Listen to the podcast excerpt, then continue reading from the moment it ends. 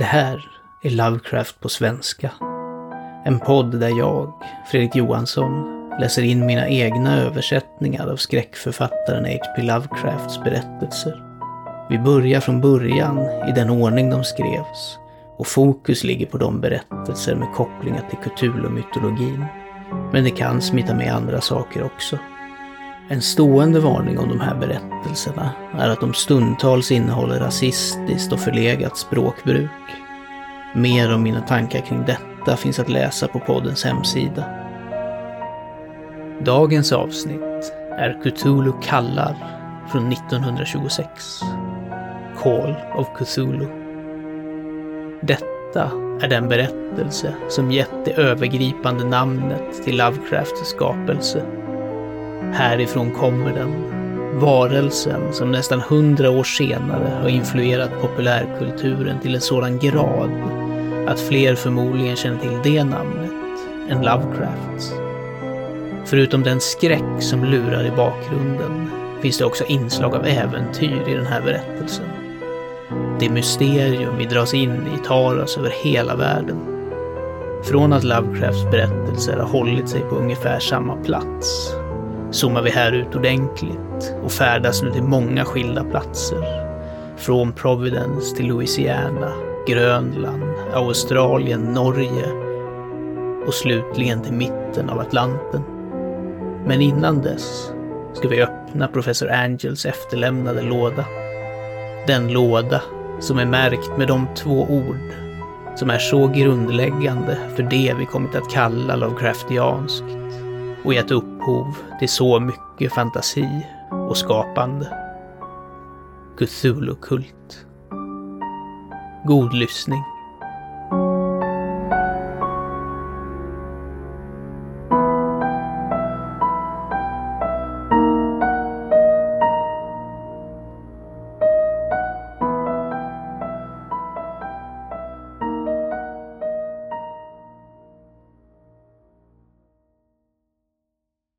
Cthulhu kallar.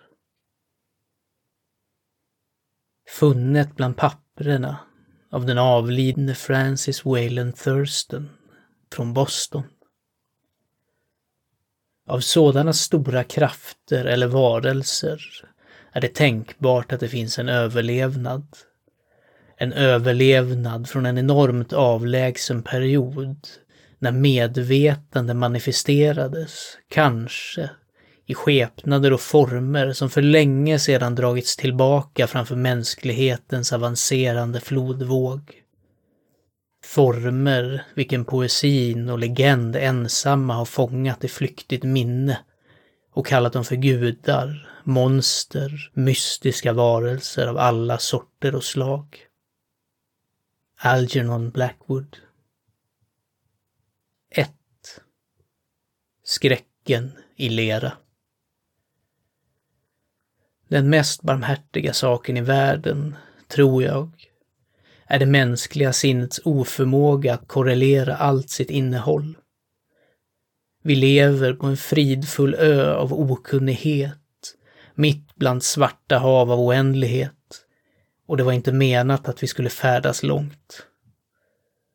Vetenskaperna, alla stretande i sin egen riktning, har hittills skadat oss lite. Men en dag kommer sammanfogandet av dissocierad kunskap öppna upp sådana fruktansvärda vyer av verklighet och av våran skrämmande position däri, att vi antingen kommer bli galna av uppenbarelsen eller fly från det dödliga ljuset in i tryggheten och säkerheten av en ny mörk tidsålder. Teosofer har gissat på den fantastiska storheten av den kosmiska cykeln, var i vår värld och den mänskliga rasen format övergående incidenter. De har antytt om märkliga överlevare i termer som kunde få blodet att frysa om det inte maskerats av slätstruken optimism. Men det är inte från dem som det kom den ensamma glimten doften av förbjudna ioner, vilken kyler mig när jag tänker på den. Och gör mig galen när jag drömmer om den. Den glimten likt alla fruktansvärda glimtar av sanning, blixtrade fram från en oavsiktlig sammanslagning av separerade ting. I det här fallet en gammal tidningsartikel och anteckningarna från en död professor. Jag hoppas att ingen annan kommer att åstadkomma den här sammankopplingen. Säkerligen, om jag lever, ska jag aldrig medvetet tillhandahålla en länk i en så avskyvärd kedja. Jag tror att professorn också avsåg att hålla tyst angående den del han kände till och att han skulle ha förstört sina anteckningar om inte plötslig död hade gripit honom. Min kunskap om saken började vintern 1926-27 med döden av min gammelfarbror George Gamel Angel, professor emeritus i semitiska språk vid Brown University, Providence, Rhode Island. Professor Angel var vida känd som en auktoritet på forntida inskriptioner och hade ofta tillgripits av cheferna på prominenta museum. Så hans bortgång vid 92 kan kommas ihåg av många. Lokalt intensifierades intresset av den obskyra dödsorsaken. Professorn hade drabbats när han återvände från Newport-båten, plötsligt fallande, som vittnen sa, efter att ha blivit knuffad av en neger med nautiskt utseende som hade kommit från en av de märkliga gränderna på den branta sluttningen vilken bildade en genväg från hamnområdet till den avlidnes hem på William Street. Läkare kunde inte hitta någon synlig orsak, men drog efter en förbryllad debatt slutsatsen att någon obskyr lektion på hjärtat, framkallat av den raska uppstigningen av en så brant backe av en sådan gammal man, var ansvarigt för slutet. Vid den tiden såg jag ingen anledning att reservera mig mot det här uttalandet. Men nu senare är jag benägen att undra. Och mer än att undra. Som min gammelfarbrors arvinge och testamentsexekutor, för han dog som en barnlös enkling, förväntades jag gå igenom hans papper med viss grundlighet och för det ändamålet flyttades hela hans uppsättning av filer och lådor till min inkvartering i Boston. Mycket utav det materialet som är korrelerade kommer senare att publiceras av amerikanska arkeologsällskapet. Men det var en låda som jag fann ytterst förbryllande och vilken jag kände mycket motvilja mot att visa för andra ögon. Den var låst och jag fann inte nyckeln förrän det föll mig in att undersöka den personliga nyckelknippa, vilken professorn alltid bar med sig i sin ficka. Då lyckades jag med att öppna den, men verkade när jag gjorde det endast konfronterad av en större och tätare låst barriär. För vad kunde meningen vara med den märkliga basreliefen i lera och de osammanhängande anteckningarna, svammel och urklippen vilka jag fann? hade min farbror under sina senare år blivit godtrogen de mest ytliga svindlerierna. Jag beslutade mig för att söka upp den excentriska skulptören som var ansvarig för denna uppenbara störning av en gammal mans sinnesfrid. Basreliefen var en grov rektangel, mindre än en tum tjock och ungefär 5 gånger 6 tum i area, uppenbarligen av modernt ursprung. Dess design däremot var långt från modern i atmosfär och antydan. För även om nyckerna hos kubismen och futurismen är många och vilda återger de inte ofta den kryptiska regelbundenheten som lurar i förhistorisk skrift. Och skrift av något slag verkade huvuddelen av dessa mönster verkligen vara. Även om mitt minne, trots stor bekantskap med min farbrors papper och samlingar, misslyckades med att på något sätt identifiera denna speciella art, eller ens hitta antydningar till någon avlägsen tillhörighet. Ovanför dessa uppenbara hieroglyfer fanns en figur av uppenbarligen bildmässig intention. även om dess impressionistiska utförande förhindrade en mycket tydlig uppfattning om dess natur. Det verkade vara ett slags monster, eller symbol som representerade ett monster, med en form som endast en sjuk fantasi kunde föreställa sig. Om jag säger att min något extravaganta fantasi gav samtidiga bilder av en bläckfisk, en drake och en mänsklig karikatyr, så är jag inte otrogen mot sakens ande. Ett mosigt, tentakelklätt huvud satt över en grotesk och fjällig kropp med rudimentära vingar. Men det var den allmänna konturen av det hela som gjorde det mest chockerande skrämmande. Bakom figuren fanns en vag antydan till en bakgrund av cyklopisk arkitektur. Skriften som åtföljde denna märklighet var bortsatt från en bunt pressklipp i professor Angels handstil och gjorde inget anspråk på någon litterär stil. Vad som verkade vara huvuddokumentet hade rubriken Cthulhu-kult med tecken noggrant utskrivna för att undvika en felaktig läsning av ett så okänt ord. Manuskriptet var uppdelat i två sektioner, varav den första hade rubriken 1925 Dröm och drömarbete av H.A. Wilcox, 7 Thomas Street, Providence RI. Och den andra, Skildring av kommissarie John R. LeGras, 121 Binville, St. New Orleans, LA, vid 1908 AS-möte. Anteckningar för samma och professor Webbs redogörelse. De andra manuskriptpapperna var alla korta anteckningar. Några av dem redogörelser för olika personers märkliga drömmar. Några av dem citat från teosofiska böcker och tidskrifter. Anmärkningsvärt W. Scott Elliots Atlantis och det försvunna Lemurien. Och resten kommentarer på långt överlevande hemliga sällskap och dolda kulter. Med referenser till avsnitt i sådana mytologiska och antropologiska källböcker som Frasers Den gyllene grenen och Miss Murrays Häxkulten i västra Europa. Utklippen hänvisade till stor del till ovanliga mentala åkommor och utbrott av gruppdårskap eller mani under våren 1925. Den första halvan av det huvudsakliga manuskriptet talade om en mycket märklig egendomlig berättelse. Det verkar som att den första mars 1925 hade en smal, mörk ung man med en neurotisk och upphetsad uppsyn besökt professor Angel med den egendomliga basreliefen i lera, vilken då var ytterst fuktig och ny.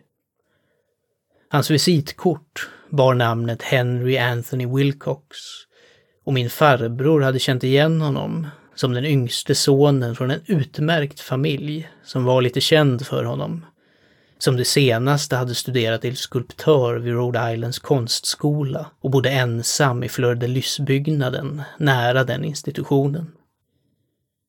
Wilcox var en brådmogen ungdom, ett känt geni, men med stor excentricitet och hade från barndomen väckt uppmärksamhet genom de konstiga historier och sällsamma drömmar han hade för vana att återge. Han kallade sig själv psykiskt överkänslig. Men det allvarliga folket i den urgamla handelsstaden avfärdade honom som endast udda. Han umgicks aldrig mycket med sitt eget slag och hade gradvis sjunkit undan från den sociala synligheten och var nu känd endast för en liten grupp esteter från andra städer. Även Providence konstklubb, angelägen om att bevara sin konservatism, hade funnit honom ganska så hopplös.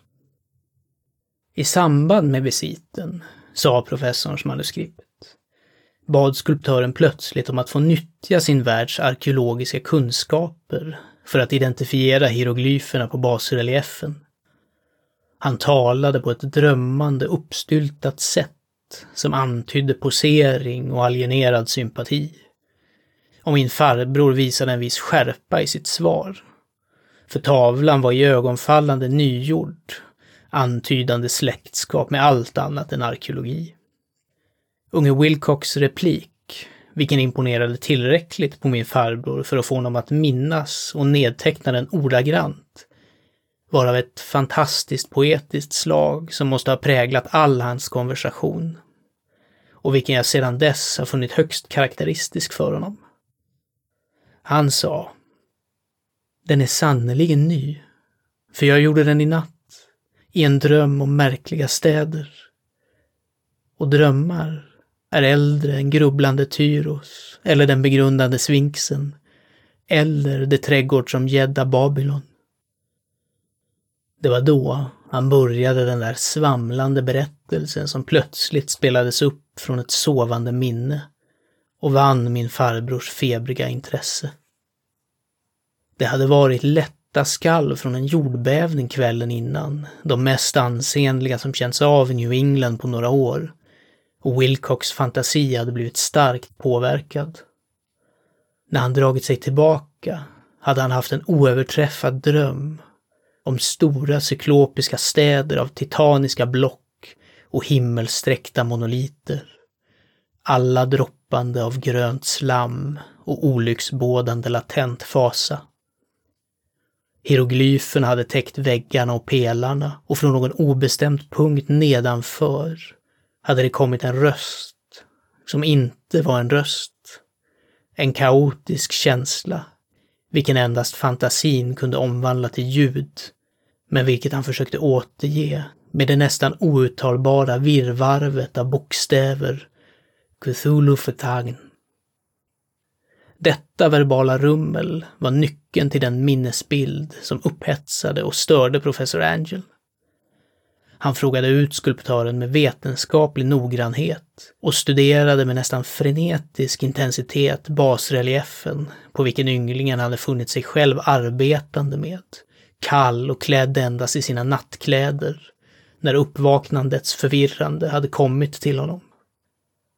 Min farbror skyllde på sin ålderdom, sa Wilcox efteråt, för sin senfärdighet i att känna igen hieroglyferna och den piktorala designen. Många av hans frågor verkade högst malplacerade för hans besökare. Speciellt de som försökte koppla samman den senare med konstiga kulter eller sällskap.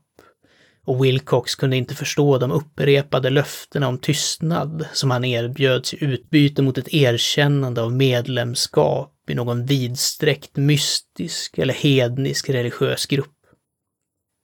När professor Angel blev övertygad om att skulptören verkligen var okunnig om någon kult eller organisation av kryptisk lärdom, bestormade han sin besökare med krav på framtida rapporter om drömmar. Detta bar regelbundet frukt, för efter den första intervjun registrerade manuskriptet dagligen besök från den unge mannen, under vilka han berättade häpnadsväckande fragment av nattliga bilder vars huvudsakliga tema alltid var en fruktansvärd cyklopisk utsikt av mörk och droppande sten. Men en underjordisk röst eller intelligens som ropade monotont i enigmatiska sinnesstötar. Obeskrivliga, förutom som rappakalja. De två ljud som oftast upprepas är de som återges med bokstäverna Cthulhu och Rilje. Den 23 mars fortsatte manuskriptet. Uteblev Wilcox. Och förfrågningar vid hans inkvarteringar avslöjade att han hade drabbats av en obskyr slags feber och förts till sitt familjehem på Waterman Street. Han hade ropat ut på natten, väckt flera andra konstnärer i byggnaden och hade sedan dess uppvisat endast alterneringar mellan medvetslöshet och delirium. Min farbror telefonerade omedelbart familjen och höll från den tiden noga uppsikt över fallet. Ofta besökande Dr. Tobys kontor på Taylor Street, som han fick reda på var ansvarig för honom. Ungdomens febriga sinne uppehöll sig tydligen vid konstiga saker och doktorn ryste då och då när han talade om dem. De inkluderade inte bara en upprepning av vad han tidigare hade drömt, utan rörde också en vildsint, gigantisk sak, kilometerhög, vilken gick eller lufsade fram. Han hade vid inget tillfälle helt beskrivit detta föremål, men enstaka frenetiska ord som upprepades av Dr. Toby övertygade professorn om att det måste vara identisk med den namnlösa monstrositet han försökte att avbilda i sin drömskulptur. Hänvisningar till detta föremål, tillade doktorn, var undantagslöst ett förspel till den unge mannens försjunkning i letargi. Hans temperatur, underligt nog, var inte mycket över det normala. Men hela hans tillstånd var annars sådant att det antydde sann feber hellre än mental störning. Den 2 april, runt tre på eftermiddagen, upphörde alla spår av Wilcox sjukdom plötsligt. Han satte sig upprätt i sängen, förvånad över att finna sig själv hemma och helt okunnig om vad som hade hänt i dröm eller verklighet sedan natten den 22 mars. Friskförklarad av sin läkare återvände han till sin inkvartering efter tre dagar. Men för professor Angel var han inte till någon mer hjälp. Alla spår av konstigt drömmande hade försvunnit med hans återhämtning. Och min farbror för inget register över hans nattliga tankar efter en vecka av poänglösa och irrelevanta skildringar av genomgående vanliga visioner. Här slutade den första delen av manuskriptet. Men hänvisningar till vissa av de spridda anteckningarna gav mig mycket att tänka på. Faktiskt så mycket att endast den ingrodda skepsis som då formade min filosofi kan förklara min fortsatta misstro mot konstnären.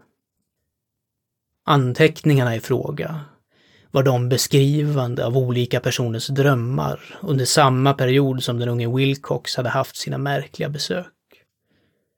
Min farbror, verkade som, hade snabbt inlett en oerhört långtgående samling av förfrågningar bland nästan alla vänner, vilka han kunde utfråga utan att vara oförskämd, och bad om nattliga rapporter av deras drömmar och datumen för anmärkningsvärda visioner från tidigare perioder. Mottagandet av hans förfrågan tycks ha varit varierad men han måste åtminstone ha fått fler svar än någon vanlig man kunde ha hanterat utan en sekreterare.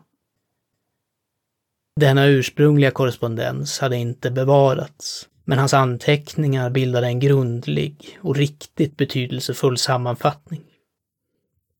Genomsnittliga personer i samhället och affärsvärlden, New Englands traditionella jordens salt, gav ett nästan helt negativt resultat Även om spridda fall av oroliga men formlösa nattliga intryck dyker upp här och där. Alltid mellan 23 mars och 2 april. Perioden för unge Wilcox delirium. Vetenskapliga män var knappt mer påverkade. Även om fyra fall med vaga beskrivningar antyder flyktiga glimtar av konstiga landskap. Och i ett fall nämns en fruktan för något onormalt. Det var från konstnärerna och poeterna som de relevanta svaren kom. Och jag vet att panik hade brutit lös om de hade kunnat jämföra anteckningar. Som det var, i brist på originalbreven, misstänkte jag halvt om halvt sammanställaren för att ha ställt ledande frågor eller för att ha redigerat korrespondensen för att bekräfta det han latent beslutat sig för att se. Det är därför jag fortsatte att känna att Wilcox, på något sätt medveten om de gamla uppgifterna som min farbror hade besatt, hade lurat den vetenskapliga veteranen. Dessa svar från esteter berättade en störande historia. Från den 28 februari till den 2 april hade en stor del av dem drömt om mycket bisarra saker där drömmarnas intensitet var omätbart starkast under perioden för skulptörens delirium. Över en fjärdedel av dem som rapporterade något rapporterade scener och halvljud, inte olikt de som Wilcox hade beskrivit. Och vissa av drömmarna bekände en tydlig skräck för den gigantiska namnlösa saken som var synlig mot slutet. Ett fall, som anteckningarna beskrev med eftertryck, var mycket sorgligt. En vida känd arkitekt med böjelser och teosofi och okultism blev våldsamt galen den dagen unge Wilcox drabbades av slaganfall och avled flera månader senare efter ett oupphörligt skrik skrikande om att räddas från någon förrymd invånare från helvetet. Hade min farbror refererat till dessa fall med namn istället för endast nummer skulle jag ha försökt mig på någon form av bekräftelse och personlig undersökning. Men som det var lyckades jag endast spåra upp ett fåtal. Alla dessa, däremot, stämde helt överens med anteckningarna. Jag har ofta undrat om alla de som var föremål för professorns utfrågningar var lika förbryllade som denna bråkdel. Det är för väl att ingen förklaring någonsin kommer att nå dem. Pressklippen, som jag antytt, rörde vid fall av panik, mania och excentricitet under den givna perioden. Professor Angel måste ha anlitat en klippbyrå, för antalet utdrag var enormt och källorna utspridda över hela jordklotet. Här var ett nattligt självmord i London, där en ensam sovande hade hoppat från ett fönster efter ett chockerande rop. Här likaså ett svamlande brev till en redaktör för en tidning i Sydamerika, där fanatiker sluter sig till en förfärlig framtid från visioner han har sett. En rapport från Kalifornien beskriver en teosofisk koloni som iklär sig vita skruder i stora grupper för någon strålande uppfyllelse som aldrig anländer. Medan notiser från Indien försiktigt talar om allvarliga inhemska oroligheter mot slutet av mars. Voodoo-orgier flerdubblar sig på Haiti och afrikanska utposter rapporterar om illavarslande muttranden. Amerikanska officerare i Filippinerna finner vissa stammar besvärande runt den här tiden. Och polismän i New York drabbas av en mobb hysteriska levantiner natten mellan den 22 och 23 mars. Även västra Irland är fullt av vilda rykten och legender. Och en fantastisk målare vid namn Ardoy Bonneau hänger upp en blasfemisk drömlandskap i Parissalongen våren 1926. Och så talrika är de nedtecknade problemen på sinnessjukhus att endast ett mirakel kan ha stoppat det medicinska brödraskapet från att notera underliga paralleller och dra mystifierade slutsatser. En märklig hög med klippningar, allt som allt. Och jag kan idag knappt föreställa mig den känslolösa rationalism med vilken jag lade dem åt sidan. Men jag var då övertygad om att unge Wilcox hade känt till de äldre uppgifterna som nämnts av professorn.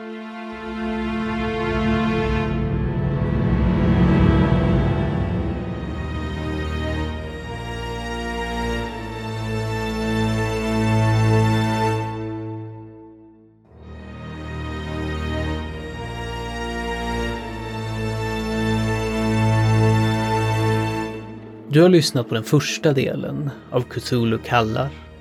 En berättelse av Howard Phillips Lovecraft som skrevs sommaren 1926 och som publicerades för första gången i februari 1928 i Weird Tales i det andra numret av den elfte utgåvan. Den svenska översättningen och inläsningen är gjord av mig, Fredrik Johansson. Tack för att du har lyssnat.